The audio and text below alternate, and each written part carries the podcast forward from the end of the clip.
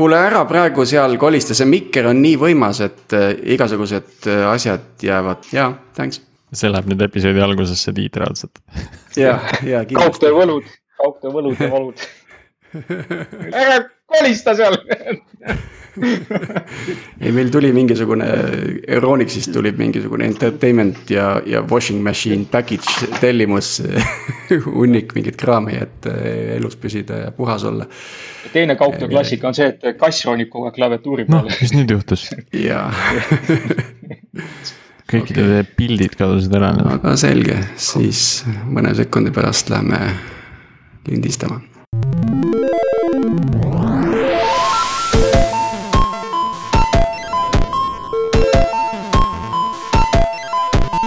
tere taas Algorütmi lainele. täna on üheksateistkümnes märts, mina olen Tiit Paananen Veriffist ja koos minuga on meie seekord virtuaalses Squadcasti stuudios Priit Liivak Nortalist ja Alari Aho Doglist. hakkame siis pihta, Priit, kuidas sina oled oma uue elu režiimiga harjunud? kuule, ei saa üldse kurta, ma arvan, et peale oma viimast äh, pikka puhkust tagasi tulles oli hoopis raskem kohaneda selle töörežiimiga, kui praegu möödunud, mis asi, kolm-neli päeva siin koduses kontoris asju tehes. et täna ma avastasin enda jaoks ühe väga hea nipi ka, kuidas hommikul hästi töölainele saada, et kui teha väike jalutuskäik õues, kui, kui Henrik meile need mikrofonid tõi, et siis see aitas nagu hästi ümber lülitada ennast ja sama sarnaselt ilmselt on Nortal äh, kogu tiimiga kodukontorites laiali absoluutselt täpselt, täpselt samamoodi nagu tõenäoliselt kõik IT-ettevõtted kindlasti ja vähegi, vähegi teised ettevõtted, kes seda teha saavad. ja sarnaselt ju jah, Veriff ka juba eelmisest, eelmisest nädalast äh, osaliselt siis juba kolmapäevast ja, ja tervikuna siis äh, alates reedest äh, teeb kodukontorist ja saab täitsa asju tehtud küll. aga tänase saate teema on siis kaugtöö ja meil on külas äh, pikaajalise kaugtöö kogemusega mees, Alari ja just Toggle äh, on Eestis tuntud ehk selle poolest, et äh, kasutusel on tegelikult pidev kaugtöö. Alari, tere tulemast saatesse, räägi mõne sõnaga Toggle'ist ja endast. tervist, et Toggle on siis kuidas seda nüüd nimetada, tõenäoliselt me enam iduettevõte ei ole, et me oleme peaaegu nüüd kaksteist aastat tegutsenud. ütleme siis, et oleme tarkvaraettevõte mis alustas äh, sellise lihtsa tööaja mõõtmise äh, tootega äh, aastal juba peaaegu kaks tuhat kuus. me nüüd oleme kasvanud sellest laiemaks, me pakume kolme erinevat toodet sellistele keskmise suurusega, väiksema keskmise suurusega ettevõtetele üle maailma, et oma meeskondi paremini siis planeerida või siis nende tööaega mõõta. ja me oleme nüüd kasvanud, praegu meid on sada kümme inimest ja need inimesed on kolmekümnest erinevast riigist ja kõikidelt kontinentidelt, et sisuliselt on kõik ajatsoonid on kaetud ja kaugtööga me alustasime nüüd pea viis aastat tagasi. isegi tegelikult kaks tuhat neliteist äh, sügisel tulid esimesed inimesed äh, äh, nii-öelda fully remote, kui siis inglise keeles öelda, ehk siis täis, täis kaugtööd tegema ja, ja nüüd, ja nüüd jah, et kui, kui oli küsimus, et kuidas see viimased nädalad on meie töökorraldust muutnud, siis just eile me imestasime, et tõtt-öelda meie jaoks äh, igapäevaselt väga ei olegi midagi muutunud.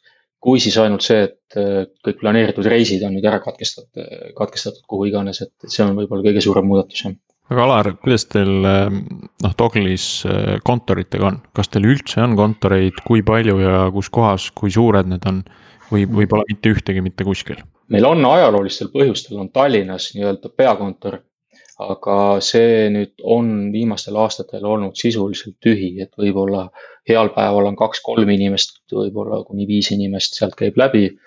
et sisuliselt jah, kui alguses noh, ajal jah, et kui me ju alustasime, me olime nii-öelda Eesti ettevõte, ainult eestlased, istusime ühes kontoris, et see oli siis kaks tuhat neliteist aasta algusel oli see situatsioon selline ja nüüd on eestlased jäänud selgesse vähemusse. võib-olla saja kümnest inimesest, ma ei tea, natuke üle kümne on eestlased, et see osakaal on kiiresti kahanenud ja, ja seetõttu ka siis see kontorivajadus Tallinnas on ilmselgelt väga kiiresti kahanenud.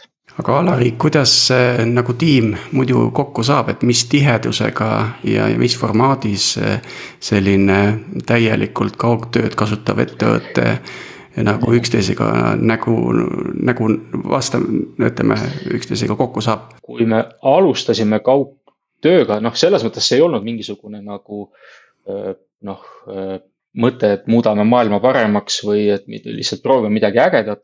vaid seal oli väga konkreetne põhjus, miks me üldse tahtsime kaugtööga alustada, oli see, et toona juba, juba toona oli Eestis väga keeruline värvata inimesi, eriti tarkvaraarendajaid. ja noh, kas, kui me vaatasime Eesti seda iivet või noh, palju neid inimesi ülikoolist nagu järgmistel aastatel peale tuleb. Ja teisalt vaatasime, kui palju startup'e muudkui juurde tuleb, et siis oli ilmselge, et ega see värbamine lihtsamaks ei lähe. ja see oligi meie peamine põhjus, et, et laiendada oluliselt oma värbamisbaasi ja see oli selles mõttes küllaltki toona radikaalne otsus, et siis me laiendasime selle globaalseks, et siis me ilma diskrimineerimata värbasime siis kust iganes väga sobiva inimese leidsime. ja, ja, ja see tekitaski sellise siis olukorra, et meil mingi hetk juba siis oli kümmekond inimest erinevatest riikidest tööl. aga, aga me ei olnud nendega isiklikult kokku saanud ja, ja, ja kogu suhtlus oli nii-öelda tekstipõhine, videopõhine virtuaalsetes kanalites aga seal jääb ikkagi see nii-öelda, midagi puudu. et selline isiklik kontakt jääb puudu ja küllaltki alguses me saime aru, et, et kaugtöö lihtsalt kaugtööna äh, jääb väheks, et tuleb aeg-ajalt kokku saada.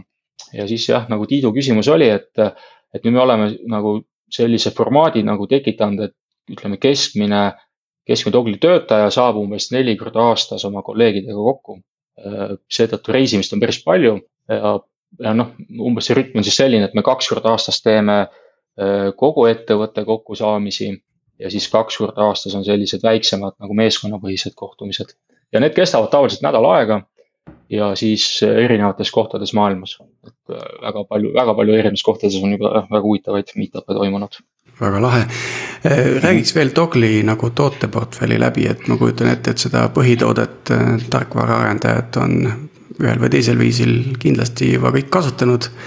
aga mis on need teised tooteliinid, mis on sinna kõrvale tekkinud? ja, et äh, sarnaselt äh, sellele Toguli time tracker'ile või siis ajamõõtmistarkvarale me oleme tulnud äh, kahe tootega välja, mis on kasvanud välja meie enda, enda vajadusest, ehk siis, et inglise keeli on see mõiste, et scratch your own itch ehk siis, et kui sa toodet lood, et siis püüa lahendada kõigepealt see probleem, mis sul endal on.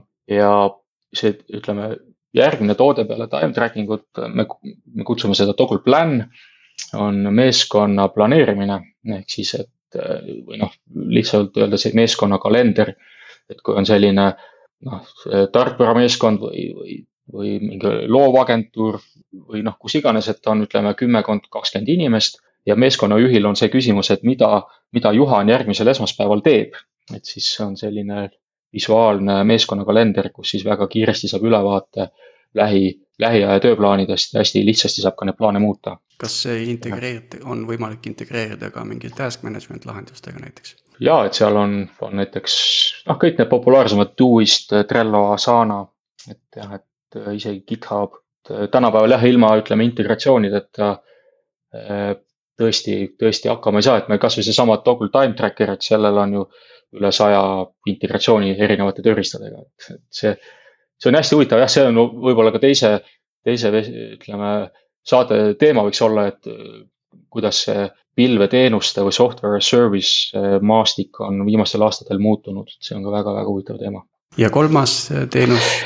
ja kolmas teenus on värbamine, et eh, kohe, kui me alustasime selle kaugtööga, siis tekkis ka esimene nagu obvious küsimus, et olgu, et kui me nüüd Äh, Brasiiliast inimese värbame, et kuidas me teame, et ta hea on et tegelikult ka oskab programmeerida, et äh, sest äh, kui sa paned kaugtöö kuulutuse ülesse, siis meie jaoks täiesti ootamatult tekkis olukord, et kus näiteks ühele ametikohale kandideerib tuhat tarkvaraarendajat. ja kuidas, ütleme, et kui me nüüd tuhandel inimesel laseksime meile CV saata, kuidas siis objektiivselt otsustada, et kellega nagu intervjuu teha ja, ja kui palju see kõik aega võtaks ja siis sealt kasvas meie enda vajadus, kasvas välja selline värbamistööriist, mille nimi on Toggle Hire, äh, mis siis äh, esimese nii-öelda enne, kui üldse CV vaatamiseks läheb, ütleme, laseb inimesel teha sellise viieteistminutise oskuste testi. noh, et kui sa otsid äh, customer support'i või noh, klienditoe inimest, siis temal on ühte tüüpi testid, kui sa otsid turundajat või müügiinimest, tal on teist tüüpi testid.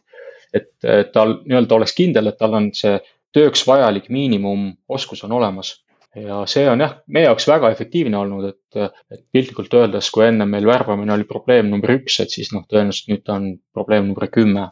Aga seda, sedasama teemat äh, edasi toites nii-öelda, üks asi on see tehniline kompetents või tehniline pädevus, aga teine on siis ka äh, selline õige mindset, õige suhtumine, millega need inimesed peavad olema, kes teile pardale tulevad, eks ole. et kuidas te seda mõõdate? Äh, seda on väga keeruline mõõta objektiivselt, et see, vot see on nüüd see koht, kus, kus me oleme võtnud sellise lähenemise, et et kõigepealt me teeme kindlaks, et inimene, kellega me räägime, et ta on tehniliselt pädev ja siis, ja siis järgmine samm on see, et siis me hakkame uurima seda kultuuri sobivust, ütleme motivatsiooni, kuidas ta kaugtööga hakkama saab ja nii edasi, jah. et kui nüüd võtta see tuhat kandidaati ühele kohale, siis noh, mina pakuks, et sealt jääb selline sada, kakssada arendajat alles, kes selle tehnilise lati nii-öelda üle hüppavad. just, ja ka sealt ka, ka see, ka see kogus on liiga suur, et, et noh, me ise tõtt-öelda jätkame umbes kümnega eh, sealt nagu konkreetsemalt edasi. väga hea ja Alari, sinu en-, eh, enda karjäär enne Doglit, et eh, millega tegelesid ja kuidas see Dogli idee nagu tekkis?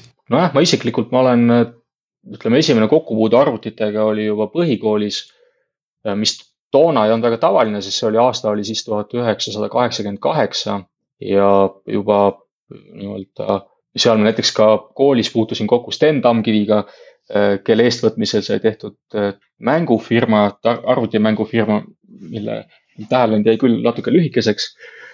aga jah, ja siis pea, ütleme juba keskkoolist saadik, siis juba aastast üheksakümmend kolm, üheksakümmend neli juba teenisin tarkvara arendamisega raha, et ma ju kümme aastat olen ise olnud tarkvara arendaja.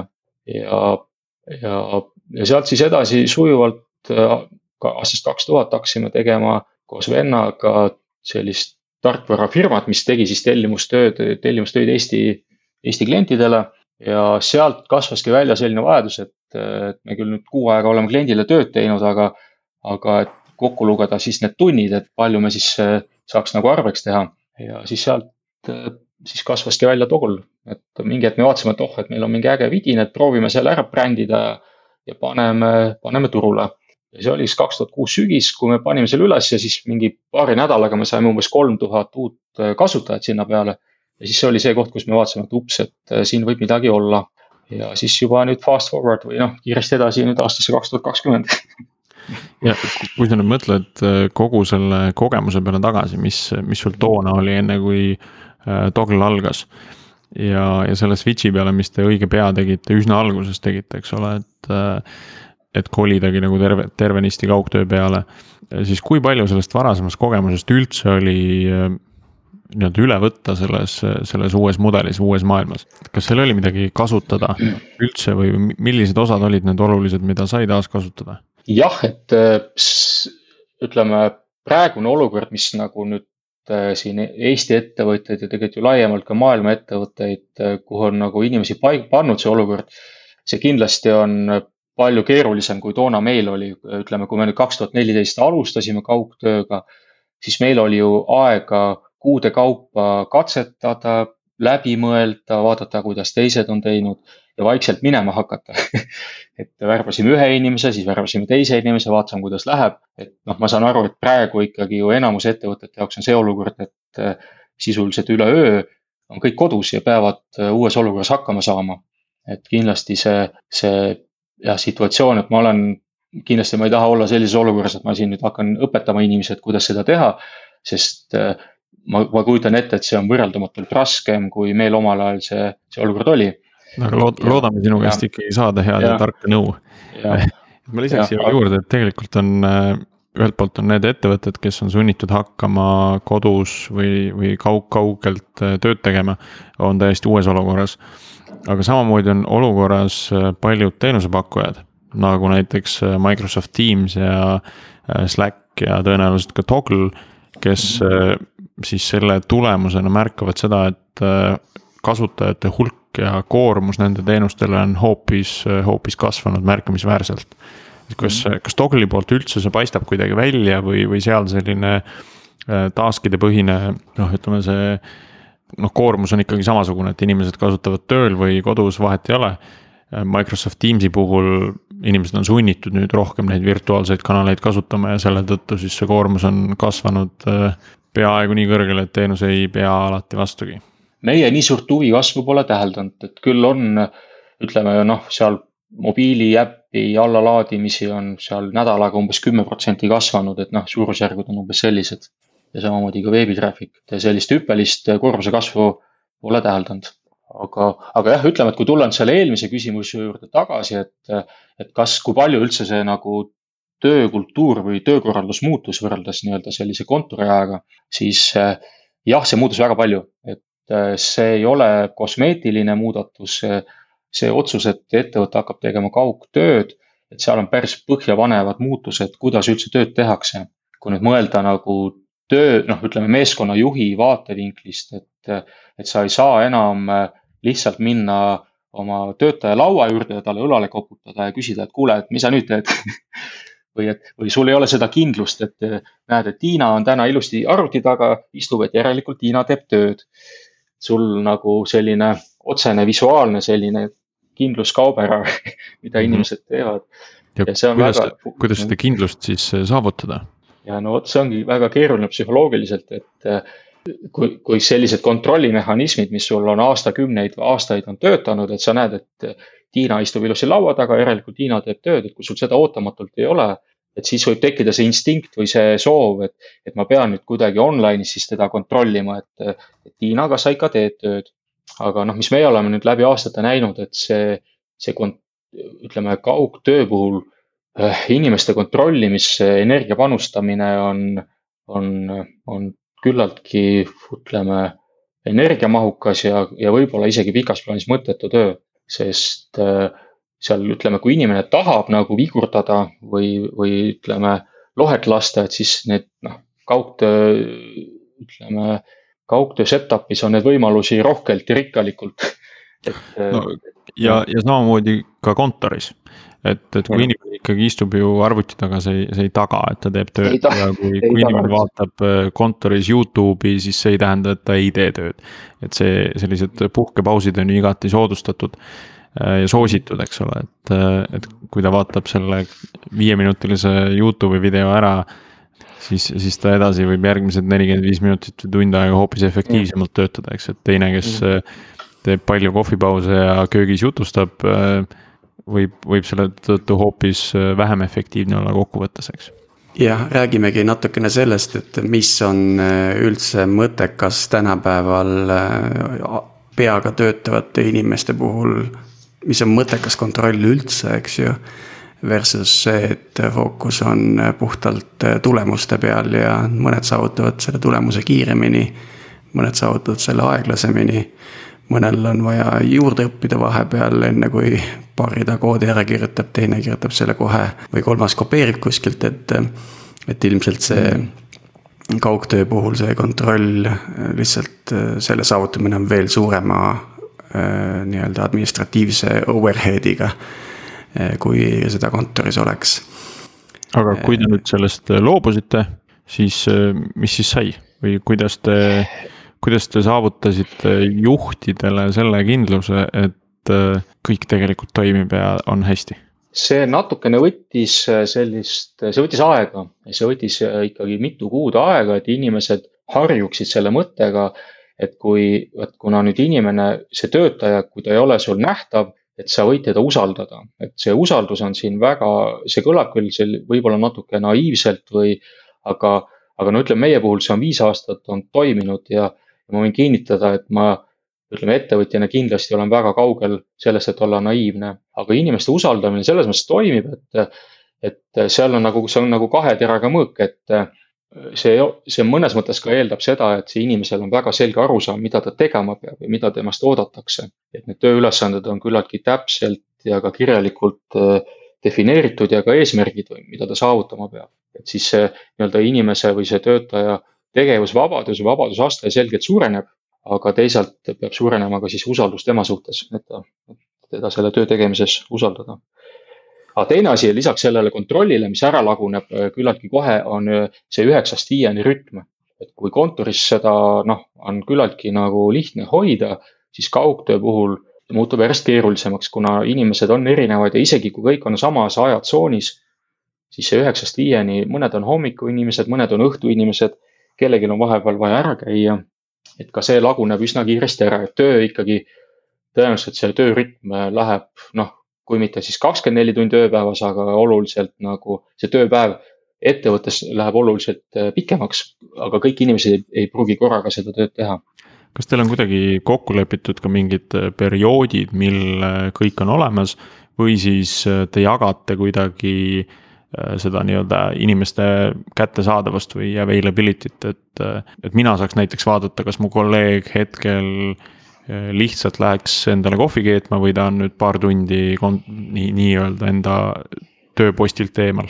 jah, siin on hästi kasulikud on need grupivestlused või grupi chat või noh, näiteks kõige tuntum rakendus on see Slack, eks ju.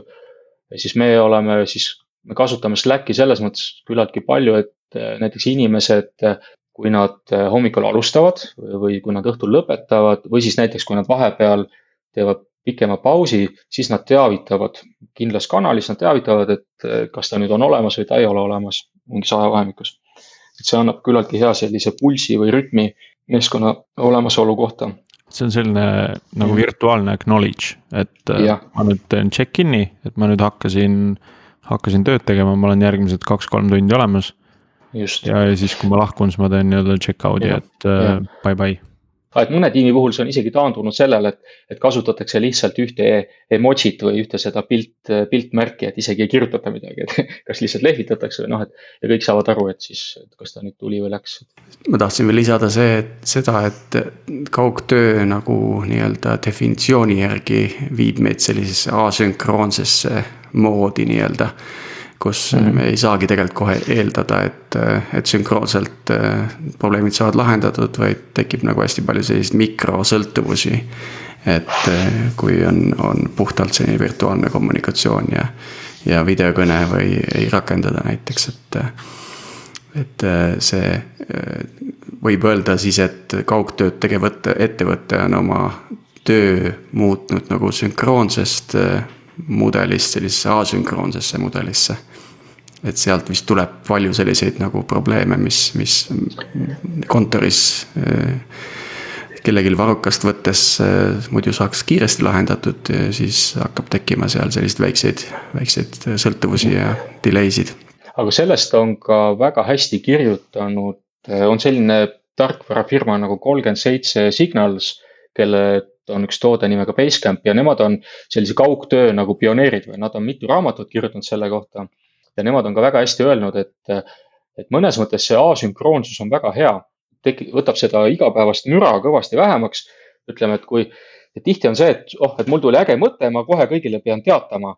või et oh, et mul tuli nii hästi akuutne ja kiire küsimus ja ma kohe pean seda küsima aga siis nüüd natuke järgi mõeldes, või pool tundi hiljem selgus, et võib-olla see ei olnudki nii oluline küsimus või see ei olnudki nii oluline mõte, et seda võis ka vabalt, ütleme, natuke hiljem rääkida et see asünkroonsus tekitab seda, et, et noh, et sa ei saagi, et kui see inimene äh, ei ole kohe kättesaadav, et, et sa ei saagi talle seda ägedat mõtet teada anda. aga võib-olla ei olegi vaja võib-olla piisab, et saata talle meil ja see annab ka teisipidi selle, selle kontrolli nii-öelda lugeja kätte tagasi, et, et kui palju ta laseb ennast segada või kuna ta laseb ennast segada. Mm. kuna ta otsustab seda kanalit lugema minna, kus inimesed hõiskavad enda saavutusi maha, eks. just sest eriti loometöötajate puhul, noh, mitte ainult tarkvaraarendajad, kes iganes peaga nagu mõtleb, kasvõi raamatupidajad, finantsjuhid või mingit äh, eelarvet läbi mõtleb, et kui teda nüüd selle käigus segada, et äh, siis on ju teaduslikult tõestatud, et sellest nagu sügava mõttestaadiumist, kui sind segatakse, et tagasi nagu raja peale saada, see võtab ju tund või, või isegi rohkem. et piltlikult öeldes üks väike küsimus lööb su niimoodi mõttekäigu nii segamini, et sa pead tükk aega taastuma, ühe suitsu tegema ja siis siis saad jälle teema juurde tagasi tulla, et. et ja kui päevas on selliseid segavaid küsimusi nagu mitmeid, et noh, et palju sa siis tegelikult keskenduda saad. mul veel sellega seoses tuli Doglit puudutav küsimus, et oskad sa hinnata protsentuaalselt, et ähm, kui palju meeskonnast on sellised inimesed, kes töötavadki kodust äh, ja järgivad seda teatud mõttes tööaja äh, nagu lõiget. Äh, versus see, et on sellised digitaalsed nomaadid, kes vahetavad oma asukohta iga paari nädala või paari kuu tagant ja ja töötavad erinevas kontekstis, erinevates ajatsoonides äh, totaalselt asünkroonselt teatud mõttes, et kuidas mm. see dünaamika Dogli äh, töötajate puhul välja mm. näeb? jah, et äh, kõige suurem grupp kindlasti on see, et kes töötavad kodust. et seda on ka erinevad uuringud on nagu näidanud, et lõpuks peale esimest tuhinat inimestel läheb nagu see tuhin üle ja siis ikkagi maanduvad oma kõige mugavamas kohas ja kaheksakümmend protsenti juhtudest on jah, töötatakse kodust. aga inimesed on erinevad ja näiteks meie väga toetame seda, et, et ei ole sellist ühte universaalset eh, kohta või moodust, kuidas töötada.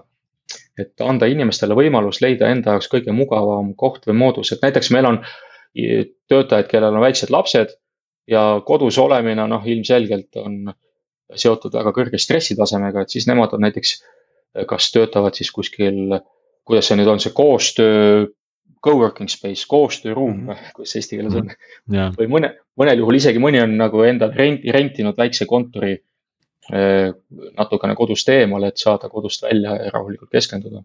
aga enamasti kodust jah. nomaade on, aga, aga seal on ka see, et ta paar aastat reisib ja siis äh, väsib ära sellest reisimisest. siis jääb paikseks jääb paikseks jah aga, aga me siin rääkisime nendest äh, segajatest äh, töökohal, et kuidas selline üks küsimus võib, võib rütmist korralikult välja ajada. aga samamoodi neid segajaid on ka äh, inimeste kodudes ja ka sellistes co-working space ides, et noh, co-working space'is on võib-olla lihtsam seda, seda segajat kinni lülitada, kuna seal ikkagi on mingid eraldi alad, mis on just sellise vaikse töö jaoks mõeldud. aga kuidas inimesed kodudes seda teevad, et võimalikult vähe segajaid oleks ja oleks võimalikult palju seda keskendumisaega, seda pikka keskendumisaega, millega kõige efektiivsemalt tööd saab teha. jah, et tõenäoliselt see, mida nüüd ka praegu väga paljud inimesed Eestis kogevad, kui nad nüüd esimest korda nagu kaugtööd teevad, et, et selles mõttes see kogemus ei ole võib-olla kõige parem, sest ka lapsed on kodus, eks ju, ka lapsed on kaugtööl ja kodus äh, väga raske on leida sellist hetke või momenti, kus sa, sa saad rahulikult keskenduda. et äh, see ongi väga, ütleme, võib-olla annab natuke vale sellise esmaemotsiooni kaugtööst, et äh, ma kujutan ette, et väga paljudel on väga suur kaos, et. et kõik asjad toimuvad korraga ja ei saa üldse süveneda. sellepärast no, tegelikult ka hästi palju räägitakse sellest, et, et seda rütmi peaks proovima ikka võimalikult palju samalaadsena hoida. et inimesed ärkavad hommikul ülesse Äh, söövad, söövad hommikust ja siis hakkavad kõik tööle, nii lapsed kui täiskasvanud, eks. ja, ja lastel on siis kooliaeg, mil nad justkui, mil nad tegelevadki iseseisvalt selle õppimisega ja see annab ka vanematele aega äh, tegeleda enda tööde ja tegemistega. noh, mis kindlasti aitab, on, on see, kui võimaluse korral ikkagi leida endal kodus selline koht, mis ongi kindel töö tegemise koht, et noh, selle kohta on ka palju artikleid kirjutatud, raamatutes kirjutatud, et, et just, et kui sa nii-öelda, et kui ma nüüd istun siia laua taha või et äh, tseremoniaalselt või sa, või siis sulgen selle ukse, et see ongi siis, see on nüüd tööaeg. ja ka kogu pere teab seda, et see on tööaeg ja sa ka ise siis ei, ei, ei vaata enam Facebooki, vaid siis nii-öelda lähed töö, töö mode'i. et kaugtöö puhul see on nagu, selles mõttes ta kindlasti on paljudele väga harjumatu, et et kui sa kontoris töötad, siis see on nagu tööandja ülesanne tagada, et sa saad, sul on kõik varustus olemas, sul on, sa saad keskenduda, su töökeskkond on, on suunatud tööle. siis kaugtöö puhul see ootamatult see, see kohustus nüüd on endal, töötajal endal leida oma jaoks parim moodus. sest isegi kui tööandja väga tahaks, tal on väga keeruline tulla sinu koju seda töökeskkonda üles seadma kindlasti tööandja saab toetada, näiteks me ka, me, me finantseerime seda, et, et sa saaks omale hea, hea nagu kaugtöö nii-öelda setup'i või seadistuse kodus üles panna. kui on vaja lauda või tooli või internetiühendust paremat või mis iganes kõrvaklappe osta.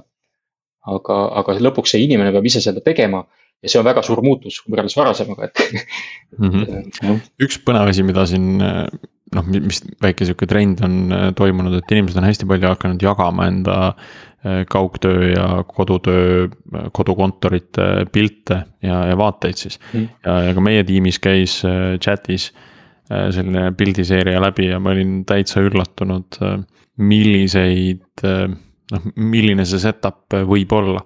et äh, nägin ka olukorda, kus äh, tõesti arendajal oli monitoride kõrval siis eraldi telekas, kus näidat-, kus peal oli seesama dashboard, mis on kontoris mm. -hmm. seina peal teleka peal, eks, et tal oli põhimõtteliselt identne situatsioon sellega, mis tal oleks kontoris. ainult, et see oli tal kodus siis ühes, ühes kontoritoas, eks. Mhm. ja see on jälle tööandja poolt jälle selline et see ongi äge, et see ongi, et äh, lihtsalt tuleb oma inimesi usaldada ja, ja, ja nad leiavad nagu enda jaoks nagu need toimivad ja ägedad lahendused, et, äh, et ei, ma arvan ka, et ei ole mõtet neile ette kirjutada, et igalühel peab olema nüüd täpselt selline setup kodus, et, et lasta võib-olla anda inimestele rohkem sellist nagu vabadust katsetada ja omale parim leida. kui palju te Toggle'i sees jagate seda infot näiteks, et milline on kellegi setup või et kui keegi leiab mingisuguse hea nipi enda jaoks, et. et ma oletan, et alguses oli seda hoopis rohkem tõenäoliselt. Aga kas, kas see on ka kuidagi nagu püsivalt äh, jäänud, et on teil mingisugune dokumentatsioon selle kohta või sihuke mm -hmm. handbook, et kuidas nagu remote work nagu kõige efektiivsem võiks olla? me oleme äh, me oleme pigem läinud seda teed, et kui keegi tuleb meile tööle, siis äh, siis tal on selline mentor või selline, me kutsume seda donut, donut buddy või siis sõõriku, sõõrikusõber, kellega siis nad eriti alguses esimese kuu jooksul väga tihedasti suhtlevad. et siis on selline nagu, see info liigub äh, inimeselt inimesele natuke informaalsemalt. ja siis see kogenud inim-, kogenum inimene saab anda ise nõu või siis vajadusel nagu noh, suunata mõne teise inimese poole, kelle, kelle käest nõu küsida et pigem on selline jah, rohkem informaalsem, mitte väga, väga dokumentatsioonipõhine see. Sest üks, üks kihvt dokument, mille Tiit, mhm. äh, kas siis eile või täna leidis, ähm, oli minu jaoks väga, väga üllatav ja sihuke põhjalik äh, ja kasulik lugemine. Ähm, Tiit, räägi sellest lähemalt, kuidas sa selle otsa kooperaatisid? sa viitad GitLabi handbook'ile. jaa ja et eh, GitLab on üks ettevõtetest, kes on ka fully remote ja neil on päris palju inimesi, ma täpselt ei mäleta, aga kindlasti sadu ja sadu. Eh, ja neil on siis tegelikult väga-väga põhjalik ettevõtte kommunikatsiooni käsiraamat, mis käsitleb kõiki kanaleid, käsitleb inimeste suhtumist üksteise suhtes, kehtestab mingeid reegleid, mida, kuidas, kuhu kirjutada. ja seal on palju häid vihjeid tegelikult, et tahtsingi lisada, et lisaks sellele kolmkümmend seitse Signals ettevõttele, et GitLabil endal on sarnane handbook olemas ja, ja ja hea võimalus äh, vaadata sinna sisse, et me rakendasime suht otse seda Slacki puudutavat kommunikatsioonireeglistikku Veriffis, mis GitLabis oli ja noh, loomulikult see päevadega ju inimestel need harjumused ei muutu, aga. aga hoides kogu aeg seda fookuses äh, ja, ja tehes ka tiimides nii-öelda auditeid äh, iganädalaselt nüüd. Et kuidas neil äh, kaugtöö osakonnas asjad arenevad, mis on tehtud, mis on veel plaanis, et siis see nõuab nagu selleks, et seda progressi kiirendada äh, käesolevas kontekstis, siis see nõuab ka tegelikult lisatööd, et. et neid uusi põhimõtteid rakendada ja nende järgimist ka siis teatud mõttes kontrollida. kindlasti lingime selle, äh, selle lingiga siis enda nii-öelda show notes idesse meie Facebooki lehel. Äh, kuhu me siis hiljem jagame ka seda episoodi aga läheme edasi ja mõtle, räägiks natukene siis seda äh, kaugtööd võimaldavatest tööriistadest ja keskkondadest, et äh, siin juba. Slacki sai mainitud loomulikult kommunikatsiooniplatvormina, aga on ka tõenäoliselt teisi Messengeri tarkvara, kes sama asja võimaldab. Aga, aga mida Toggle on, mis see, mis see setup Toggle'i jaoks täna on? mis on tööriistade mõttes, kaugtöö mõttes relevantsed ja et kohe alguses ma ühe asja tahaks öelda, et, et, et siin ei ole mingit universaalset retsepti, et kasuta seda tööriista ja kõik sujub. et õnneks tänapäeval neid pilvetööriistu on väga palju erinevaid ja, ja me ise oleme ka kogenud seda, et, et mõned väga populaarsed tööriistad näiteks meie meeskonnale või meie protsessi, protsessidega hästi ei haaku. ja me neid ei kasuta, aga samas kasutame mõnda teist, näiteks noh, lisaks Slackile. ega siin noh, mingit suurt imet ei ole, et kasutame, oleme palju kasutanud Trellot näiteks, igapäevaselt kasutame Google'i tööriistu, Google Drive'i, Google Docsi. GitHubi kasutame, arendajad kasutavad väga palju Äh, erinevad videokõneplatvormid, äh, noh, oleme näinud, et äh, Zoom on näiteks noh, tõenäoliselt on ka üks kõige populaarsemaid ja, ja põhjusega, et tema see video kvaliteet ka kehvema ühenduse puhul on, on väga hea. või siis noh, oleme ka Hangouts või Google Meet päris palju kasutanud. üks uus leid on, on selline nii-öelda meeskonna dokumentatsiooni või teadmusvahend on Notion, mis on siis selline hästi lihtne moodus, kuidas teha selliseid äh, tiimidokumente või kiiresti jagatavaid tiimidokumente, et kui, kui näiteks Drive'i, Google Drive'i, Google Docsi mure on see, et, et ühel hetkel on väga keeruline sealt midagi üles leida et äh, siis see Notion aitab organiseerida informatsiooni kõvasti, kõvasti paremini, et, et me oleme selles väga rahulolevad kasutajad. kas see Notion on midagi sellise wiki moodi? jah, ta on niisugune interaktiivne wiki, et äh, et teda on kõvasti lihtsam kasutada ja ta ei ole nii tehno-, tehniline tööriist, et ta on hästi, hästi mugavaks tehtud. millised on, mina veel mõtlesin täna hommikul, et, et siin soovitatakse hästi palju neid tööriistu nagu sa ütlesid, et ei ole sellist ühte universaalset lahendust, eks ole. aga millised on need tööriistad, mis Toggle äh, on aja jooksul proovinud ja mis ei ole töötanud teie jaoks? Mhm. no me oleme, noh, tegelikult me kasutame või katsetame kogu aeg uusi tööriistasid ja noh, ma julgelt võin öelda et, et kaheksakümmend, üheksakümmend protsenti mis iganes põhjusel äh, lihtsalt ei ole nagu haakinud ja see ei ole selle tööriista viga, vaid noh, tõenäoliselt see on nagu noh, ei ole seda, tekkinud seda sädet, noh. hea näide võib olla Asana, et mida me oleme proovinud -hmm. korduvalt kasutama hakata.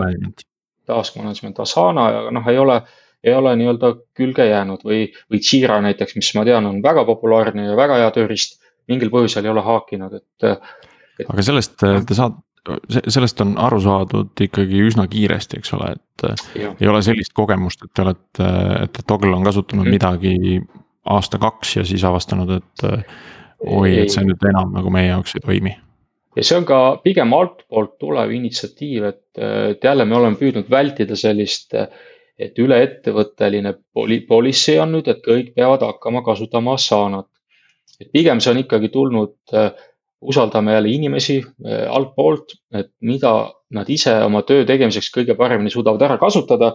ja kui me näeme, et juba mõnes meeskonnas mingi tööriist väga hästi toimib, et siis me oleme püüdnud küllaltki proaktiivselt ta siis kogu ettevõtte tasandile tuua. aga jah, et initsiatiiv pigem alati on algusest tulnud altpoolt. see, see tundub minu jaoks selline kahtepidi, äh, seal on nii plusse kui, kui miinuseid selles mõttes, et okei okay,, mis ma mõtlen, ma mõtlen seda, et kui nüüd inimesed hakkavad kaugtööd tegema, nad peavad kasutama rohkem selliseid online vahendeid, mis äh, tähendab seda, et nad dokumenteerivad rohkem enda tööd, nende vestlusest jääb rohkem jälgi maha või noh, millele saab hiljem viidata kui knowledge base'ile, eks ole mm. -hmm.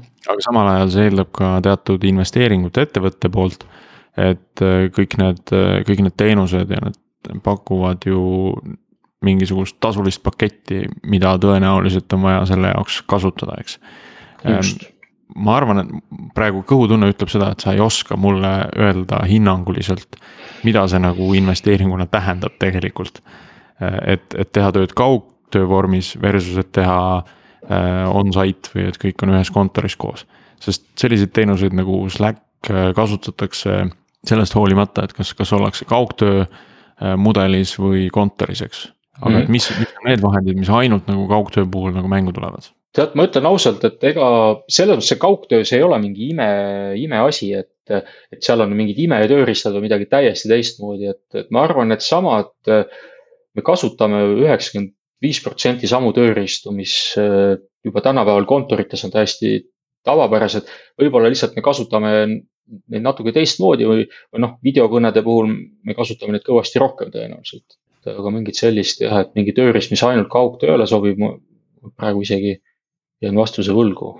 ma ei oska niimoodi, ma arvan, et pigem see agnostika on tänapäeval nagu see võtmesõna, et, et tööriist sobib, ütleme, tööriist kohandab ennast vastavalt sellele, kuidas tööd tehakse. et, et filosoofia on see, et ei ole ühte õiget töö tegemise moodust, vaid et pigem tööriist annab inimestele vabaduse ennast organiseerida mind huvitab natukene Dogli arendusprotsess kui selline, et, et võib-olla sa mõne sõnaga räägid, et kuidas ideest saab ülesanne, ülesannest saab kood ja koodist saab äh, reliis, et mis läheb laivi, et kuidas see protsess välja näeb ja kas seal on mingisuguseid erinevusi võrreldes ütleme ettevõtetega, kes töötavad ikkagi põhiliselt kontorist? Ja see oli ka kohe alguses, kui me alustasime kaks tuhat neliteist, üks võib-olla kõige suurem muudatus oli see, et, et suulise versus kirjaliku suhtluse osakaal nagu muutus kardinaalselt. et noh, kui ennem võis olla, ma ei tea, pooleks või noh, et, et ikkagi väga palju infot vahendati suuliselt, siis nüüd see, see kadus ära ja julgelt üheksakümmend protsenti suhtlusest on kirjalik, kui mitte rohkem äh, see on nagu hästi-hästi suur muudatus ja see noh, see mõjutab ka siis tarkvara arendusprotsessi, arendusprotsessi ja kogu toote, toote arendusprotsessi, et. et kõik uued initsiatiivid, mis me teeme, nad saavad alguse mingisugusest kirjalikust sellisest nagu ülesande püstitusest ja sealt alles edasi siis äh, noh, toimub mingisugune kas ajurünnak üle video või. hästi, hästi paljud äh, soovitused just praegu pakuvad seda, et tehke rohkem videokõnesid ja olge nii-öelda face to face ühenduses, aga üle video, eks. mis ma, ma usun, et paneb paljud tiimid, olemasolevad tiimid töötama nendes olemasolevates mudelites, et kui neil on vaja midagi, siis nad pingivad kedagi mingis chat'i kanalis, ütlevad, kuule, teeme kõne, räägime, mul on mure, eks et, et see mudel säilib samana, et nad ei, nad ei lülitu automaatselt suurema teksti peale ringi ennast. jah, mina kindlasti soovitaks, ütleme see, noh, see video on jälle see, et see on nagu tagasi, püüame olla selles sünkroonmudelis, et eriti Just. kui näiteks on rohkem inimesi on, et noh, et kui efektiivne on videokõne näiteks kümne inimesega, et. et seal see, see väga ei toimi, et pik, pikas plaanis kindlasti soovitaks nagu et mitte igapäevaselt teha kümne inimesega videokõnesid, et, et see, et pigem ikkagi proovida, proovida rohkem kirjalikuks ja, ja võib-olla siuksed jah, one on one või noh, üks-ühele, kaks-ühele sellised videokõned, et need on väga efektiivsed. ja neid saabki teha ka spontaanselt, et neid ei pea ju pikalt ette planeerima. aga selliste suuremate nii-öelda koosolekute osas jah, tasub olla küllaltki, küllaltki ettevaatlik okei okay,, me jõudsime sinna, et äh, ideed ikkagi vormistatakse üsna kirjalikult ja siis võib-olla tuleb teatav selline brainstorm imise faas, kus äh, inimesed kogunevad nii-öelda virtuaalsesse mm -hmm. kõnesse või videokõnesse kokku. ja siis analüüsitakse seda edasi siin on huvitav just see, et tavaliselt need tugifunktsioonid, kellel on palju väikseid äh, task'e tuleb sisse, siis nemad väga kiiresti optimeerivad ennast sellise puhtalt äh, virtuaalsele suhtlusele. mis on ka kirjalik ja jälgijab järele aga nüüd see loomise tegevus, et äh, kuidas seal siis tagada see, et äh, et äh, me konverteerume sellest ühisest brainstorm'ist ühises ruumis, kus me hingame sama õhku, eks ju, et kuidas seal siis viia see muutus läbi, et see ilmselt ei toimu ka üleöö, et et, et võib-olla siin ongi mingisugune, mingisugused tõenäoliselt ka nendes GitLabi handbook ides ja nii edasi on mingisugused Äh, reeglid äh, või, või protsess juba paika pandud veelgi detailsemal tasemel, jah, nõuanded, eks ju. Seda on ka need Basecamp, Basecampi vennad on väga hästi öelnud, et, et me küll, meil küll tundub, et me kogu aeg innoveerime, aga mhm. tegelikult äh, see, ütleme, brainstorm imise või uute ideede genereerimise. et sa ei tee seda igapäevaselt ega ka iganädalaselt või noh, et see, see ei ole nii efektiivne, et. et noh, näiteks meie puhul et see, me kasutamegi väga palju ära neid meeskonna kokkusaamisi. et äh, teha selliseid strateegilisi arutelusid äh, te, tekitada sellist nagu ahhaa-momente. ja kui need toimuvad kord kvartalis, et äh, juba sealt tuleb nii palju ideid, et ei jõua ei jõua isegi ära neid teostada. nii et see, see füüsiline kokkusaamine on ühtlasi ka loomulikult mm -hmm. siis planeerimise koht, kus tegelikult Just. see enamus tööd saab nagu välja lahti kirjutatud ja, ja siis edasi on täpsustamine Just. ja, ja detailidesse minek, eks ju. just mm. -hmm. kui nüüd mõelda, et ma töötan noh, arendajad ju tavaliselt töötavad mõni, mõni aeg ikkagi kodust, et eriti just, kui on pikemat keskendumist vajavad ülesanded, kus see segajaid peab vähem olema, et. et kui ma nüüd olen arendajana töötanud siin üks päev, üks-kaks päeva nädalast võib-olla kodus, eks ju. ja nüüd on äkki, ma olengi täiesti kodus üks kuni kaks kuud et võib-olla mõned siuksed soovitused, mida kannatab kohe nagu ära teha, et noh, ma tean, et äh, paljud tiimid on, ongi läinud sellele, et isegi kui nad varem ei teinud stand-up'e näiteks, siis nüüd nad teevad video stand-up'e, et. et võib-olla midagi veel sinna juurde. kõigepealt esimene asi ma kindlasti soovitaks, on see, et, et noh, kasvõi ka praeguse selle situatsiooni puhul, et ega siin muud üle ei jää, et tulebki tõenäoliselt järgmised kaks kuud äh, see asi siin toimib et siis, et isegi kui see esimene nädal on väga raske, et siis proovida rahulikult võtta ja proovida sellesse rütmi sisse saada, sest ma võin kinnitada, et viieaastase kogemuse pealt, et see kaugtöö, see toimib. ta on natuke teistmoodi kui, kui kontoritöö, aga see on võimalik toimima saada. ja, ja siin ei ole ühest retsepti, et noh, tänapäeval õnneks neid materjale on netis hästi palju, et kuidas täpselt nüüd seda meeskonnatööd äh, Äh, üles seada, et ta oleks efektiivne. see sõltub hästi palju meeskonnast, see sõltub hästi palju teist inimestest. et äh, noh, me, me olemegi teinud niimoodi, et me oleme öelnud äh, või andnud konkreetsetele arendusmeeskondadele vabad käed, kuidas nad oma tööd üles seavad. et piltlikult öeldes front-end'i tiim ja mobiilitiim, nad teevadki tööd teistmoodi või erinevalt ja nad teevad seda nii, nagu konkreetselt selles ajahetkes neile tundub äh, mugav. Võib-olla jah, praegu ma isegi võib-olla sellist mingit head nippi või konkreetset nõuannet, kuidas seda tööd üles seada, ma võib-olla ei hakkakski andma. kas Toglil on? nipp no. siin see, et me äh, tegelikult äh, usaldame oma inimesi ja ja lubame teil, neil teha valikuid, mis selles kontekstis, nemad on oma tööle kõige lähemal niikuinii et nipp, nipp ongi siin see, et vähem universaalseid lahendusi, rohkem detailseid äh, tiimipõhiseid äh, nippe, mida siis saab jagada ka tiimide vahel, et tekiks, tekiks mingisugune noh, ütleme sünergia, nüüd äh, karm sõna, aga. aga et, et ei toimuks seda jalgratta leiutamist nagu igas tiimis nagu algusest peale, et. just. tõenäoliselt ka retro on üks hea koht, kus nagu analüüsida just sedasama kaugtöö tegemise nii-öelda võtteid, eks ole. üks formaat selliseks info jagamiseks, mis me oleme teinud, on iganädalane selline Zoom'i konverents, mis on siis nii-öelda, me kutsume seda kitchen talk.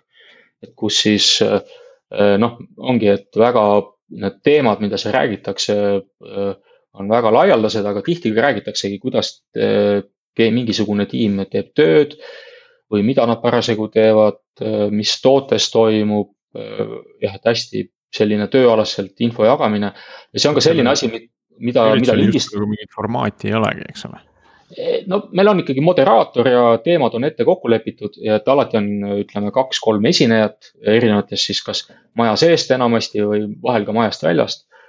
Ja, ja see on ka see, et et see on ka asünkroonne, et seda lindistatakse ja sa ei pea seda laivis vaatama, et sa võid seda alati ka tagantjärele vaadata, pakkuda inimestele nagu suuremat paindlikkust oma aja juhtimisel aga see on ka väga hästi töötanud, et jah, et ja me oleme seda nüüd juba aastaid teinud jah, kord nädalas.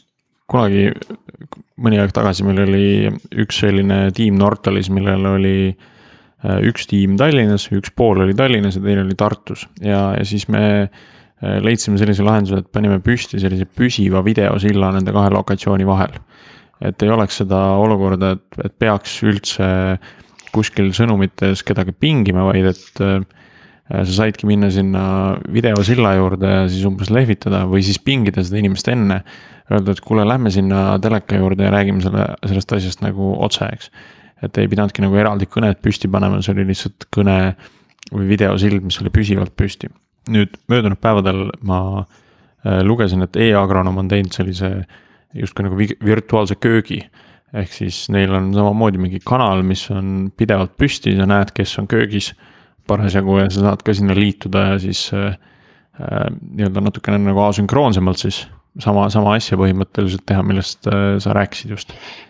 et kas, kas Toglil on ka mõni selline kanal või selline, selline ruum, kuhu siis, mis, mis on pidevalt aktiivne, pidevalt on püsti ja kuhu siis inimesed saavad jooksvalt liituda?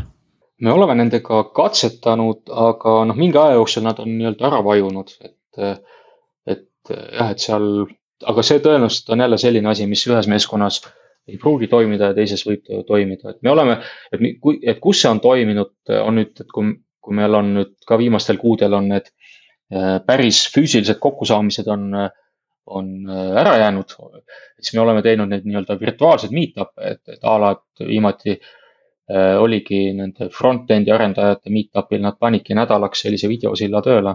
Ja siis, äh, siis nad seda nii-öelda väisasid ja rääkisid seal täiesti, ütleme, nii-öelda vabadel teemadel. olete korraldanud mõne virtuaalse peo ka juba? võib-olla pidu on nagu palju öeldud, aga ütleme spontaanselt jälle altpoolt initsiatiiviga tehakse näiteks iganädalasi selliseid noh, on igasugu internetimänge, isegi mitte Counter Strike, vaid noh, mingid nagu ma ei tea, sõnamängud või. piltlikult öeldes jah, et tehakse ja täiesti jälle regulaarselt iga reede seal paar tundi või niimoodi kulutatakse sinna aega, aga see on nagu selles mõttes aeg, mida hästi on kulutatud just meeskonna inimeste tundmaõppimiseks ja, ja mingite juttude läbirääkimiseks ja see on sihuke. tead, see oleks, see oleks küll info, mile kohta oleks hästi hea, kui sa saaksid natukene rohkem isegi infot ammutada ja, ja ka hiljem võib-olla meie sinna äh, podcast'i lingi juurde kommenteerida, et, et mis, mis asju siis mängitakse ja, ja kus keskkondades. et, et ma usun, et sellest oleks väga paljudel kasu just praegu, et kuidas seda tiimi koos hoida. või siis ka kuidas, kuidas ennast kodus tegevuses hoida või, või sõprade ja, ja sugulastega midagi ühiselt teha jah, endal on kogemus eelmisest nädalavahetusest, kus oli planeeritud kuskil kaheksa inimese saunakas, aga aga siis see toimuski Zoom'is. tegite Zoom'i sauna? jah, et, et, et üks osaleja istuski reaalselt saunas teised siis tulid ad-hoc sinna juurde ja tegelikult äh, tund aega oli väga lahe, et äh, nagu, nagu oligi päris. et, et ma tean, et Facebookis on ka selline grupp, kus äh, jagatakse juba ütleme Eesti kontekstis sellist äh, virtuaalseid äh, kontserdivõimalusi ja, ja, ja neid on tegelikult päris paljud artistid, kes justkui on kaotanud oma sissetulekud, on nüüd hakanud tööle selles suunas, et nad on äh, siis äh, saavad esineda ka sellises virtuaalses keskkondades. homme toimub äh, Facebook stream jooga, millega, millega on ka juba üle, üle kahe tuhande inimese on näidanud huvi selle vastu üles, nii et. selliste online tegevuste vastu on huvi täitsa olemas okei okay,, aga nüüd äh, hakkame vaikselt otsi kokku tõmbama, et, äh, et äh, Alari, paar küsimust veel sulle, et mida sina nagu tahaksid Algorütmist tulevikus kuulda? ja, ja kui, kas sa oled meid seni kuulanud muide? pean kahjuks tunnistama, et ei ole veel jõudnud, aga nüüd tõmban siis neid podcast'e alla. et, et mulle, mulle väga meeldib, mida Geeniuse portaal teeb, et see on see on nii äge, et nii väikse meeskonnaga on see, ütleme, jalajälg on, on väga suur ühiskonnas ja tähele ja see on väga, väga super eh,, mida, mida Geeniuse meeskond teeb. et mm -hmm. kindlasti ja, ja noh, teemasid. praegu on ju parim aeg, parim aeg neid podcast'e kuulata, eks. just, just ja, ja, te, ja teemasid kindlasti, ega see tehnoloogia valdkond, see areneb nüüd tõenäoliselt see, see, et inimesed on nüüd sunnitult kodus paar kuud, et see et on oodata järgmise aasta jooksul kindlasti uute ideede, tehnoloogiate ja startup'ide plahvatust, et see on ju ainult, ainult positiivne. ja kui palju sa, Alari, täna ise koodi kirjutad, et kuidas see sinu tavaline tööpäev välja näeb? nüüd selle koodi kirjutamise ma pean tunnistama, ma lõpetasin aastal kaks tuhat üks ära. kuna ma nägin, et on maailmas palju targemaid inimesi kui mina. ja, ja proovisin siis keskenduda rohkem ettevõtja okkalisele teele. hobi korras olen Raspberry'd häkkinud ja suudan ka Linuxit installeerida, kui vaja, et aga, aga mitte igapäevaselt no selge, väga tubli. aga see on, seda on kena vaadata, mida Altovel teeb ja, ja kindlasti kõigile kuulajatele siis eh, vaadake Facebookist meie show notes'e, paneme sinna mõned lingid ülesse. Eh, mis eh, siis kajastavad need juhised, kuidas selles kaugtöörežiimis äh, äh, hakkama saada ja. ja järgmises episoodis juba räägime mingis mõttes kaugtöö vastandist, milleks on siis paaris programmeerimine, aga teadupärast on ka seda võimalik teha juba nii-öelda remotely. ehk siis kasutades ühte, ühte programmeerimiskeskkonda, mille taga on siis kaks inimest, nii et kindlasti kuulake siis ka meie järgmist episoodi, kus siis on Codeborne'ist on külas Erik Jõgi ja Anton Keks, kes valgustavad meile paaris programmeerimise telgitaguseid. aga aitäh teile kuulamast ja aitäh, Alari, saatesse liitumast ja tundub, et meie esimene virtuaalselt salvestatud episood on purgis ja kõigile kuulajatele olge terved ja peame vastu Kuulmiseni. aitäh, kuulmiseni, aitäh kutsumast.